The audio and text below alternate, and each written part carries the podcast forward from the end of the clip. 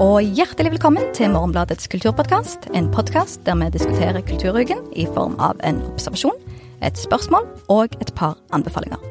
Mitt navn er Elise Dybvig, jeg er kulturjournalist i avisen. Og på andre enden her er Aksel Kielland, kritiker og kommentator. Hei. Hallo. Aksel, hva har du observert i det siste? Eh, jeg har gjort en observasjon som kanskje er litt sånn åpenbar, men det har aldri truffet meg i samme grad som nå. For jeg har i anledning TV-spalten jeg skriver i avisa, så har jeg sett bl.a. Amazon-realityserien Girls of Oslo, uh, skjult kameraprogrammet Alex og Martine pranker og uh, Thomas Numme og Harald Rønnebergs komiserie Kjendis AS, hvor bl.a. en del Andi og andre kjendiser da spiller seg selv. Ja.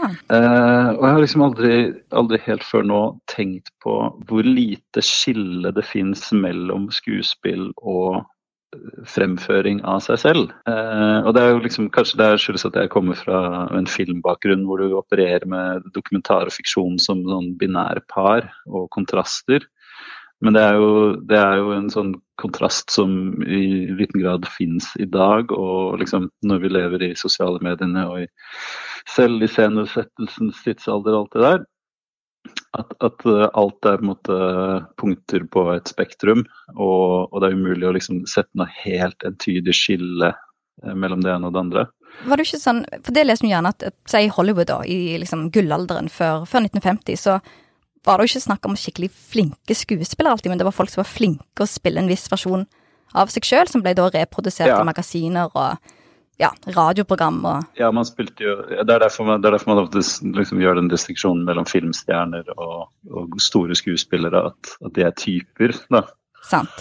Så, så, sånn sett så kan du si at det alltid har vært der, men det har det jo alltid liksom man har snakket om når du spiller den og den rollen. Er det da noe nå med at folk er blitt så gode til å presentere seg sjøl på sosiale medier at det blir at, det, blir mer naturlig for flere å bare ta på seg en versjon av seg sjøl foran kamera? Jeg tror det er det at, eh, ja, at liksom kameraene, eh, både liksom stillbildekameraene og videokameraene, er så allstedsnærværende at, at den uh, iscenesettelsen og fremføringen setter seg i kroppen, da, i muskelminnet. Og så, så, får du på en måte den drømmen om uh, det ukunstlige, det ekte cellet som liksom finnes bak posituren og fasaden. Det bare smuldrer opp og fins ikke lenger. Og alt blir bare grader av fremføring og iscenesettelse. Jeg har sett litt på, på Kjendis AS.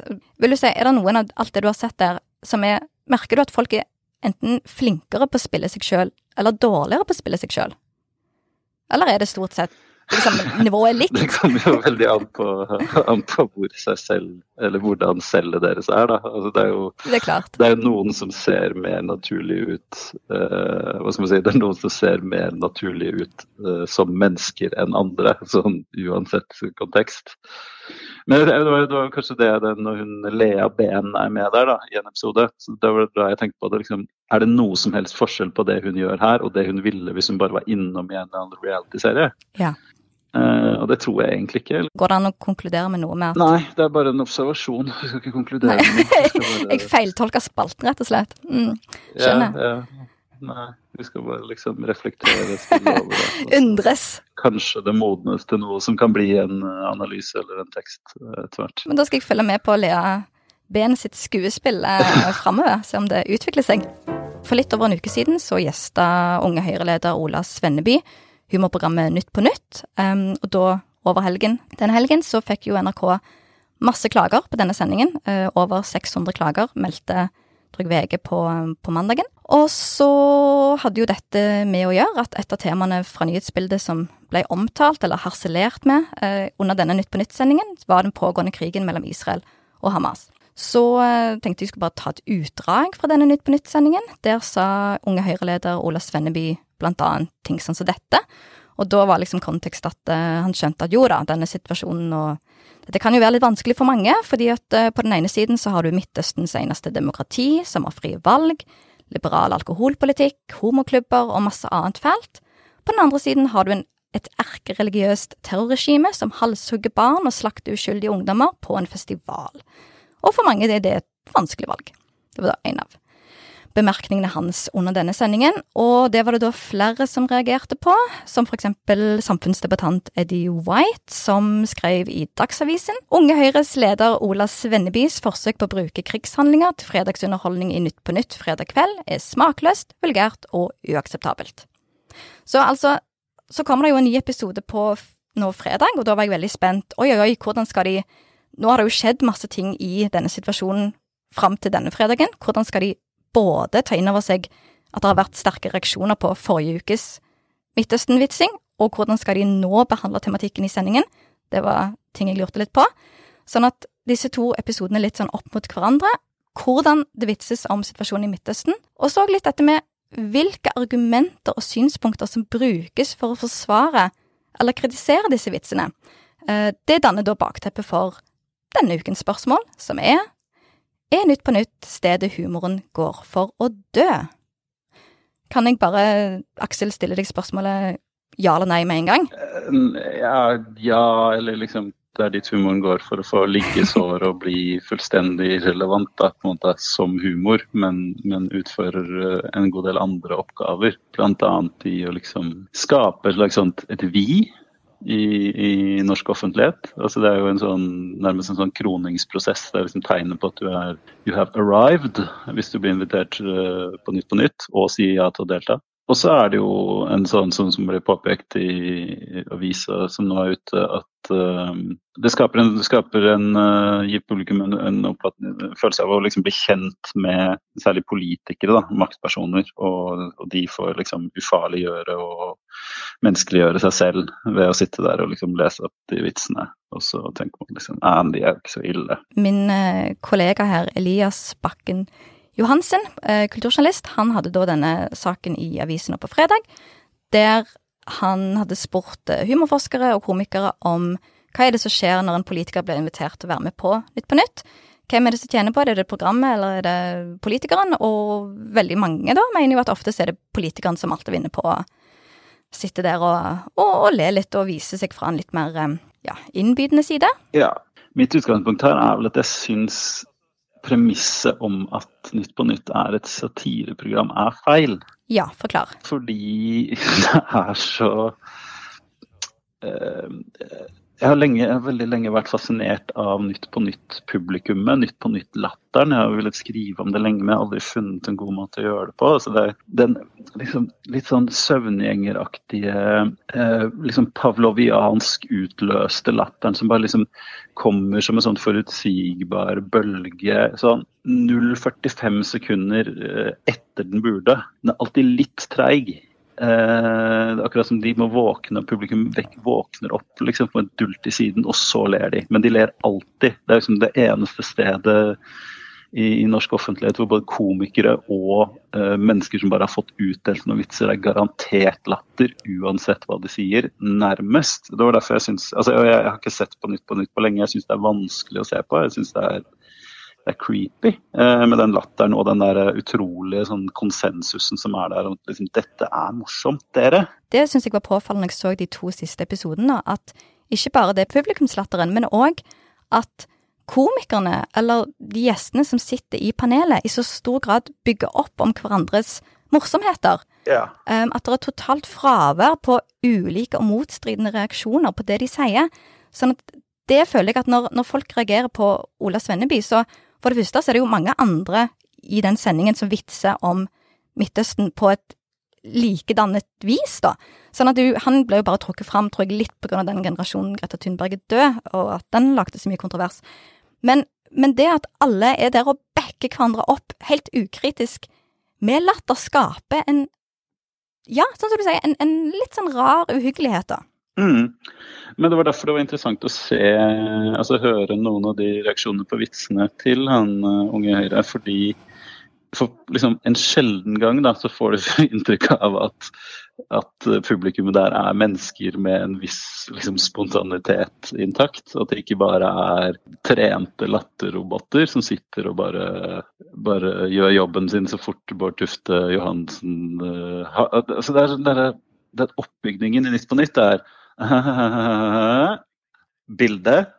og så ler publikum. Liksom, uansett hva det er. Ja, men, men tror du ikke det handler også litt om For det som jeg føler også er problemet nå med de siste episodene jeg har sett, at det er en litt sånn anspenthet i Jeg vet ikke om det er klippen, eller om det er at det føles veldig planlagt på den måten at det er ikke rom for spon den spontaniteten. Så jeg føler at jeg husker fra for eksempel Linn Skåber eller Anne-Kat. Herland eller Knut Nærum, eh, når de var med, at det å smette inn en sånn litt sånn spiss kommentar får du veldig lite av. Du får heller et mer Nå leser vi høyt det en landa kvelden før, som gir den der mangel på rytme i levering, og da påfølgende latter. Er det ikke noe sant? Ja, eller, altså, ja, altså det, er, det, er, mangel på hva skal man si, menneskelig rytme. Men det er en utrolig rigid programrytme. Men bare for å si det, det at det ble da reaksjoner på disse vitsene. Men det er vel ikke reaksjoner i publikum eller hos paneldeltakerne i selve programmet, er det det? Jo, det var et uh, Jeg tror, husker ikke om det var den du leste opp eller en annen, men da var det sånn tydelig sånn Åh, der det vanligvis ville vært et Jeg skjønner.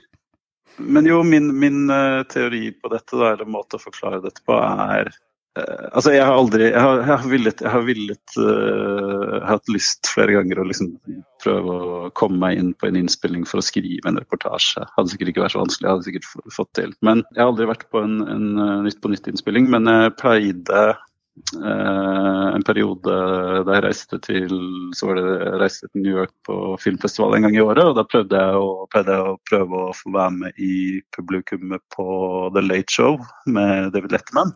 Ja. Og det var en ganske sånn interessant prosess hvor du, hvor du, du liksom Halvannen time før opptak så starta du ute på gata med å bli liksom komme inn i, i liksom bli hva skal man indoktrinert. da, og Hele, hele operasjonen var tilsynelatende styrt av en gjeng med sånn college interns som guida folk eh, liksom inn i bygget og liksom hele tiden gjentok eh, viktigheten av høye reaksjoner, høy latter, raske reaksjoner. Hva man ikke fikk lov å gjøre, var liksom reise seg opp eller gjøre noen sånne sprø ting. Men eh, det resulterte jo i hvert fall i altså på programmet så en mye mer spontan eh, latter og mye mer spontane reaksjoner. Så kan man si liksom, kanskje programmet er morsommere, det vil jeg hevde at det var. Men eh, det er et, likevel et eller annet med den der NRK Nytt på nytt-latteren som er Den er så underlig. Den er, den er så Den er så sånn vet ikke, søvngjengeraktig, spøkelsesaktig. Og, og, teorien min er da at sant, vi kjenner liksom nå den offisielle historien var om Nytt på Nytt. Var det, da det ble lansert, var det ingen som likte det. Anmeldere hatet det, ingen så på. Og så, vet ikke, et par år, så, så liksom øh, fikk det fotfeste, og folk begynte i hvert fall å like det veldig godt. Jeg husker jeg også så på det relativt ofte i liksom Annika Tærland, Knut Nærum-tiden. Og så på et eller annet tidspunkt så har det på en måte Altså det har jo, det jo fornya seg selv i det at du har fått nye programledere og uh, paneldeltakere. Men i det store og hele så er det bemerkelsesverdig likt. Altså, altså, formatet har jo stagnert, men da istedenfor at folk har forlatt det og publikum har fått nok, så har det på en måte eh, blitt videreført som et stadig hulere sånn humorritual. hvor liksom folk bare gjør publikum og i likhet med deltakere og, og programlederne, bare gjør jobben sin. Uh, og det forsterkes jo da av at alt er så ferdig skrevet. Og jeg husker jeg fikk nærmest sjokk liksom, det første jeg fikk høre at deltakerne hadde fått vitser skrevet for seg. Ja, ja det stemmer. Den, den, den, opplevelsen tror jeg mange hadde. Ja. Og det var sånn Knut Nærum var den eneste som produserte materialet sitt sjøl, tror jeg Det liksom, jeg òg ja. kunne høre. Og det var sånn what?! Hva, ja, liksom, Hva er det han sitter og ser på? Hvorfor er det så dårlig da, liksom?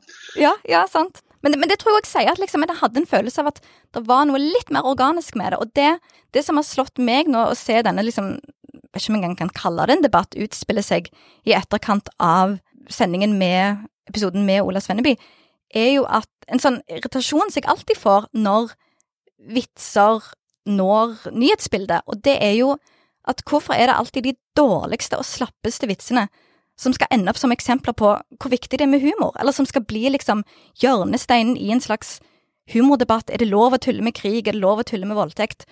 Og så sitter du igjen med det som egentlig bare er litt dårlige vitser, og så skal de bli de fremste representantene for at jo, det er veldig viktig å tulle om alvorlige ting i alvorlige tider. Ja, men det er jo fordi det er jo ikke så en bred enighet alltid om hva den gode humoren er, da.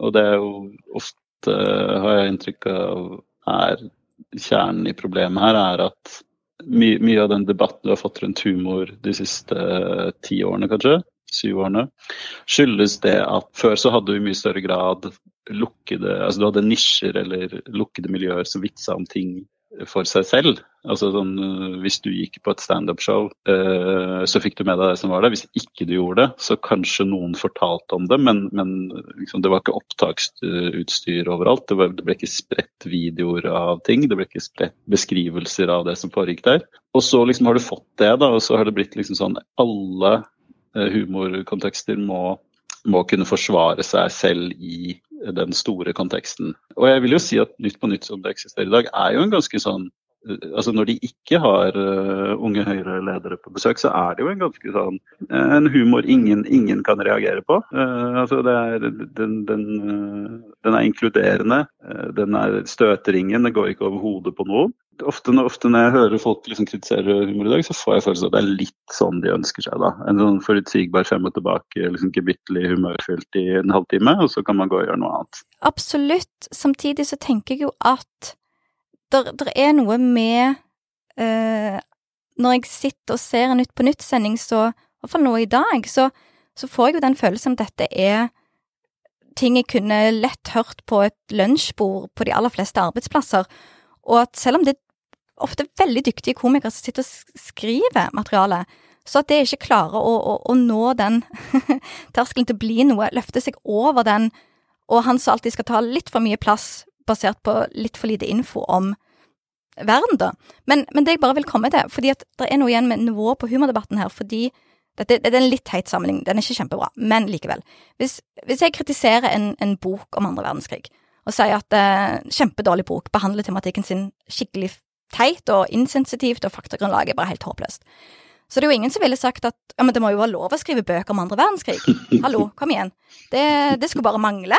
Uh, det, det, er jo sånn vi, vi, kommer oss videre som mennesker, og mm. renselsesprosessen, og lese om det som har skjedd før, osv. Men det er jo akkurat sånn det fungerer med humor, at istedenfor å gå inn i den konkrete vitsen og si hva er det som gjør at denne ikke funker helt? Kan en si at den funker på et humorfaglig grunnlag, eller er det noe her som gjør at ting skurrer litt for mye, og da blir det reaksjoner?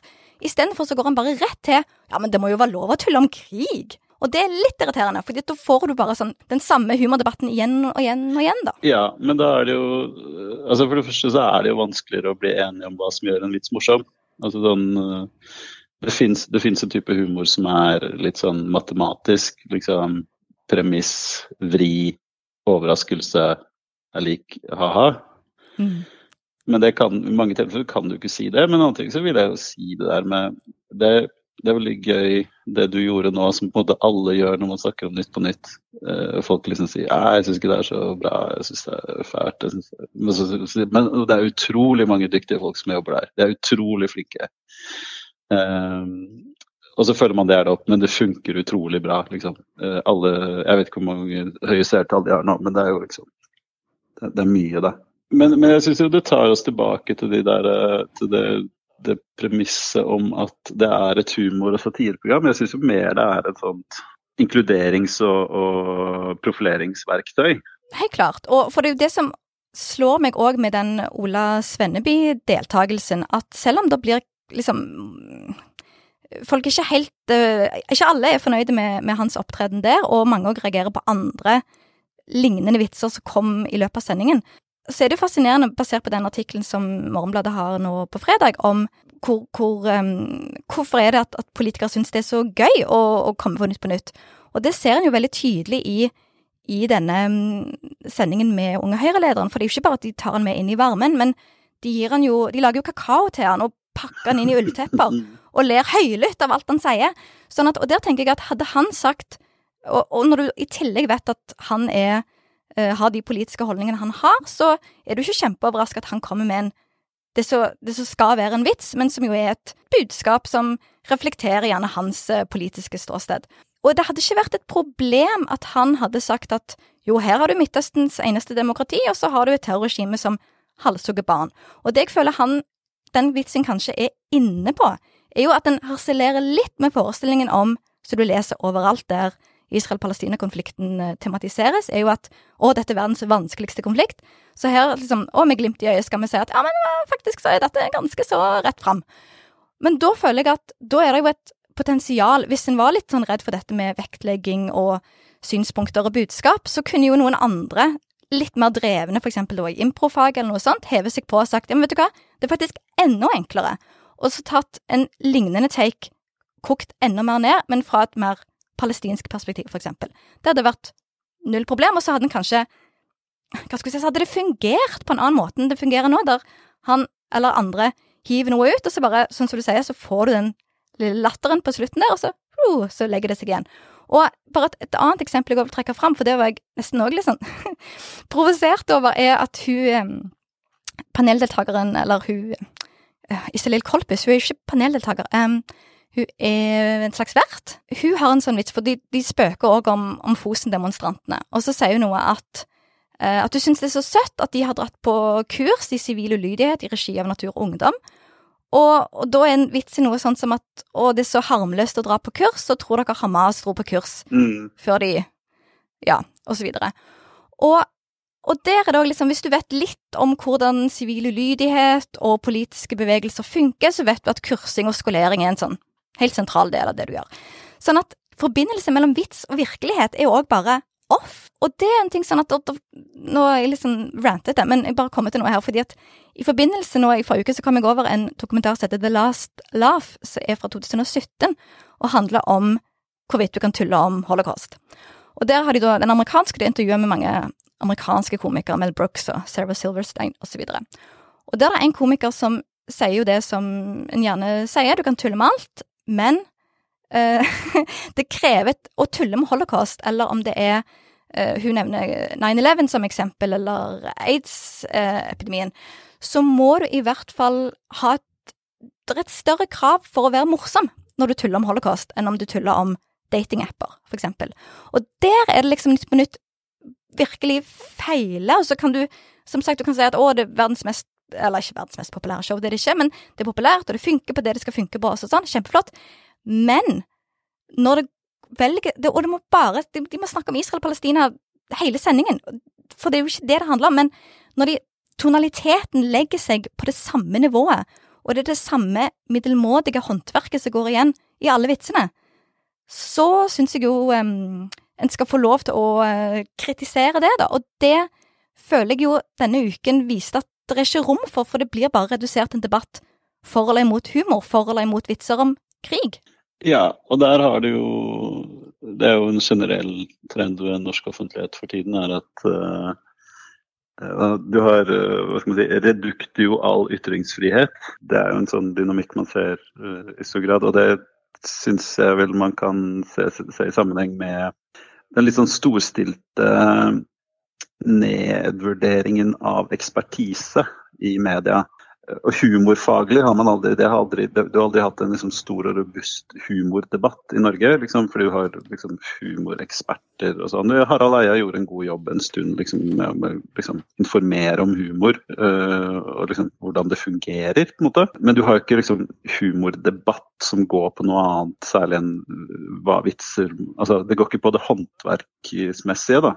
Derfor er det jo veldig lett at det alltid bare handler om jo, men vi må ha humor, det er viktig å le, det er viktig, liksom, og vi må ha ytringsfrihet. Så det er jo et generelt problem. Men, men uh, igjen da, så er det der uh, Morgenbladet og Klassekampen hadde, kom jo denne uka med et sånn uh, bokbilag signert hva heter det, Forente Forlag. Ja. Eh, og det er jo da noe forlagene gjør istedenfor å finansiere vinduet på papir og, og vagant, etter hva jeg skjønnet. Skjønt, liksom. det, der man før støtta, uh, støtta den faktiske liksom, litteraturtidsskriftproduksjonen, så gjør man det nå mer sånn innstikksbasert. Og du kan jo se for deg at hvis Eh, hvis ikke eh, rådgiverbransjen, altså hvis ikke Nytt på Nytt fantes, så kan man se at liksom, politiske rådgivere og konsulentselskaper ville finne det opp. Eh, fordi det er så godt verktøy for, eh, for å profilere eh, politikere, eh, og i mindre grad liksom, artister og sånn. da. Så jeg vil jo si at i dag så fyller det først og fremst den funksjonen, og så er humor er jobben det gjør for å gjøre det. Men jeg syns det er veldig Jeg, synes, jeg vet ikke, jeg har liksom gitt opp Nytt på Nytt for så lenge siden at jeg syns det er rart å en gang liksom Bry seg. kreve, kreve noe av de. Eller altså, så det, det, er en sånn ting som bare Nå virker det som det kan bare rulle og gå for, for alltid. Jeg tror det er noe med det at, at NRK ofte bruker det som et uh, eksempel eller et, eh, en unnskyldning når de får kritikk for at humordekningen deres ellers ikke er eh, så spiss eller satirisk som kanskje mange skulle ønske seg, og så viser en til at å ja, men vi har jo satireprogrammet Nytt på nytt. Mm. Og da men, men, ja, det er flott at dere har Nytt på nytt, men det eksempelet er kanskje ikke mm, En kommer ikke så langt med å vise til det alltid hele tiden, da. Så er det vel kanskje mest, mest, det. Men kan jeg bare skyte inn en siste ting òg, fordi at da, da, kan det jo virke som at jeg, jeg, ønsker meg for mye av Nytt på Nytt, sånn at, at, jeg er så frustrert over at de ikke leverer på det, det potensialet jeg, jeg, føler at det er og, og har lyst på som seer. Men når jeg da så um, fredagens sending, og så er det jo klart at selvfølgelig de spiller inn uh, gjerne mer enn det de sitter igjen med når du ser det på TV, sånn at det kan være mange temaer de har vært innom som ikke kommer med i den ferdige episoden. Men etter å ha fått så mye, eller etter å ha vært så mye i mediebildet med at her var det en, en liksom vektlegging av perspektiv mot Israel, og det var Og det ble bare enda grellere i liksom den kommende uken der du fikk eh, antall drepte på dette sykehuset i Gaza, og det bare Situasjonen forverra seg, og det var ikke sånn det forsvant fra nyhetsbildet. Så dermed, når du da ser fredagens episode, og det som skjer i Midtøsten, er bare litt sånn sidekrydder, framfor at ok, men nå må vi inn igjen. Så jeg tenker som, i hvert fall fra et sånn NRK-journalistisk perspektiv, at nå må vi inn i denne tematikken igjen, men da fra litt andre vinkler enn vi var inne i det forrige uke. Er du ikke, Syns du ikke det er rart at det bare ellers ikke finnes som tema? Eller er det sånn, ja ja, det, det er jo Nytt på nytt? ja, det er jo inntrykk at det er ofte det er litt ja-ja. Altså det er jo en sånn Vi har vel snakka om det tidligere i filmpodkasten, og det er en ganske sånn intens eh, middelklasse virkelighetsoppfatning som, som preger uh, mye av det NRK sender. Liksom, altså, si, en, en sånn isolert norsk, uh, relativt bemidlet middelklasse verdensbilde. Uh, og det er jo ganske begrensa hva som har plass der. Uh, og Nytt på nytt er jo med å definere hva som har plass der. Og da er jo på en måte ikke et nyansert og komplekst syn på Midtøsten noe som man har plass til. Og så kan vi også liksom, Generelt så er det jo noe sånn Man kan si mye om norske komikere som gruppe, men som gruppe er det ikke en påfallende intellektuelt nysgjerrig eller ambisiøs gjeng. Uh, og de som er det, de, de, har kanskje ikke de flatene de trenger. Så jeg vet ikke, jeg syns jo det Nytt på nytt forklares liksom alt, alt som er rart og, og beklagelig ved Nytt på nytt forklares liksom med fenomenet Nytt på nytt. At det er en sånn Altså det bare humper og går, men det går, det går bra. Det er ikke noen grunn uh, til at det ikke skal gjøre det, annet enn hvis plutselig folk skulle, skulle vende seg bort fra det, da. Da kanskje Kanskje man får en endring. Da er det ikke et problem at Nytt på Nytt ofte er sted, det stedet der humoren eh, ikke akkurat mistrives, men kanskje ikke har de aller beste vekstforholdene heller, da. At det bare må en finne seg i, og så må en gå andre steder. Men når, det er jo Nytt på Nytt som setter premisset for veldig mye, ikke bare syn på humor, men eh, debatt om humor. Og da er det jo litt eh, stusslig, det en har sett da i forrige uke, at eh, en klarer ikke engang å ha en skikkelig samtale om det en vil gjøre, til og med hvis, selv om Nytt på Nytt skal være flaggskipet NRK for satire. Og de bare kvitter seg med satirebetegnelsen, da?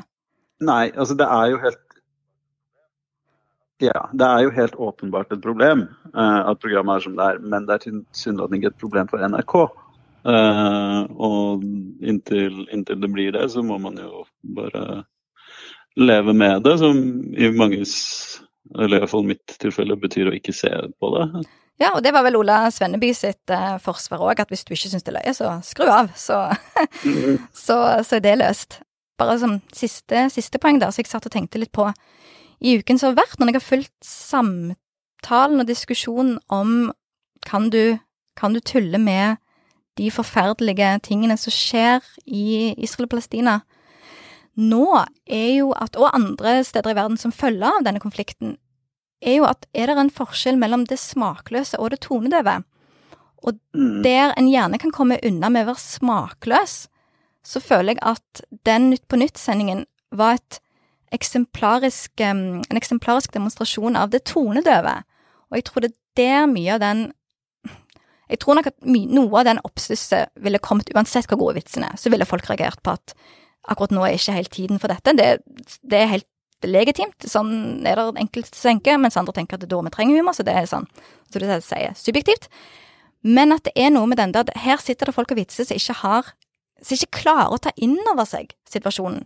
Og, eller har ikke helt skjønt det. Og jeg tror det er det, da det bikker over i det tonedøve. Sånn som når Iselin Kolpe sier at eh, det er søtt å dra på kurs, Hamas drar ikke på kurs, derfor trenger vi ikke være redd for Fosen-demonstrantene.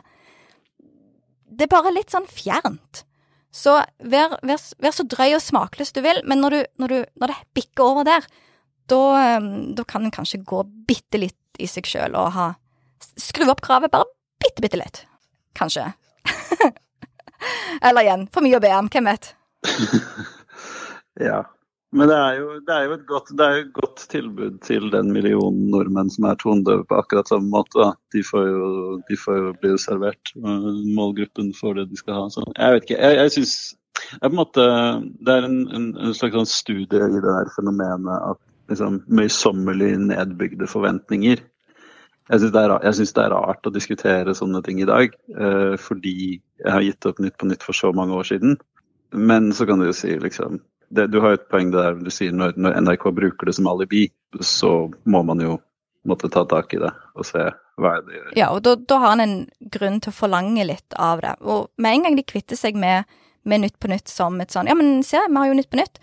Så, så kan en gå med på Eller en kan gå med på å le av ting når de snakker om datingapper og at Anniken Huitfeldt måtte gå, men når det blir andre ting, så, så igjen så er det ikke dumt å forlange bitte litt mer. Men nå merker jeg at jeg begynner bare å gjenta meg sjøl, så da setter vi punktum. Og så går vi rett over på anbefalinger. Aksel, anbefaling. Det er eh, Jeg har hatt følelsen lenge at vi er på vei inn i en gullalder, ny gullalder for hørespillet. Og så manifesterer den seg aldri, egentlig. Men vi skal være glad for de få tingene vi har. Og det er eh, blant de så teller vi eh, BBCs si, de, de har eh, lagd nå totalt eh, fire hørespill basert på forfatterskapet til H.P. Lovecraft. Men det er ikke, film, det er ikke, eh, det er ikke adaptasjoner i tradisjonell forstand. Det er De forflytter mye av handlingen til England, og så blander da han og forfatteren som har skrevet det, Julian Simpson, Lovecraft, uh,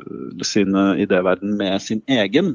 Og det er, eh, liksom, det er, det er ganske interessant, og det er liksom det, det beste jeg har, vært, har oppdaga av måte, det mest ambisiøse innen eh, liksom, eh, sjangerhørespill som produseres i dag. Så Den nye sesongen eh, kom nå nylig. Den er basert på novellen 'The Haunter of the Dark', men handler mye om britisk eh, fascisme opp gjennom tidene.